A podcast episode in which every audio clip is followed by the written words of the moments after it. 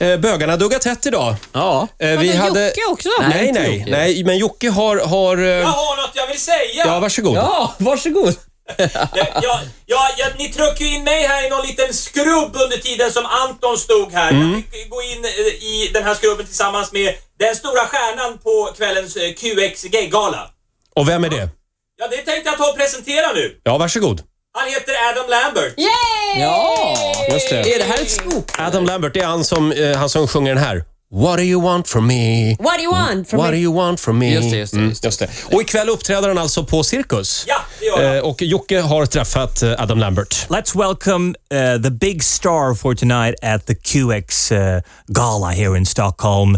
Da-da-da-da-da. His name is Adam Lambert. Yay! How you doing, sir? Uh, I'm excited. I'm excited for this QX thing. Coming out here, Scandinavia is always fun. I, I always have a good time. I think the I think the people in Scandinavia are just breathtakingly beautiful, and it always kind of makes me kind of like stop and, and double take. Both men and women. Of course. All right. Like I remember being at a at a signing, like a CD signing in Finland at a, Yeah. at a mall, and and there were a lot of like young teenagers coming, out, mostly girls actually, but they were all beautiful. Like they just had like the most beautiful eyes and like skin. I was like, what's going on? What's with the water here? You have a special, I don't know, an, an eye for Finland as far I as guess. understand. I guess yes. Finland does it for me. I Yeah, don't know. apparently. Yeah, that stuck. That was like a precursor. It was a foreshadowing of things to come.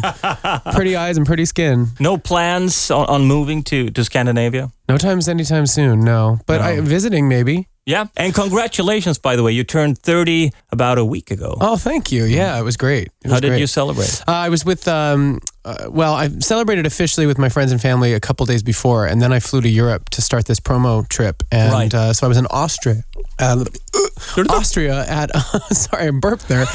I was in Austria at this uh, ski resort. How's your yodeling coming along? I'm doing it right now. This is my version of yodeling. Oh, right. Yeah, just getting food stuck in my throat. What will you be performing tonight? Uh, my new single, Better Than I Know Myself. Will you be touring in Sweden later on? I hope so. Uh, Yeah, I think when we get the you know the album out there and some more singles out there, hopefully we can put together a, a tour. I'm, I I love performing live. I'm excited to be able to put these songs on stage. The album, I'm really proud of the album. I think people are going to really like it.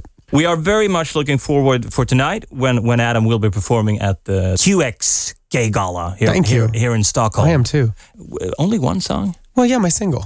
Yeah, that's but- all, but I that's all thought- I'm ready to do yet. They should give Calm you a down, one bigger thing at a set. time.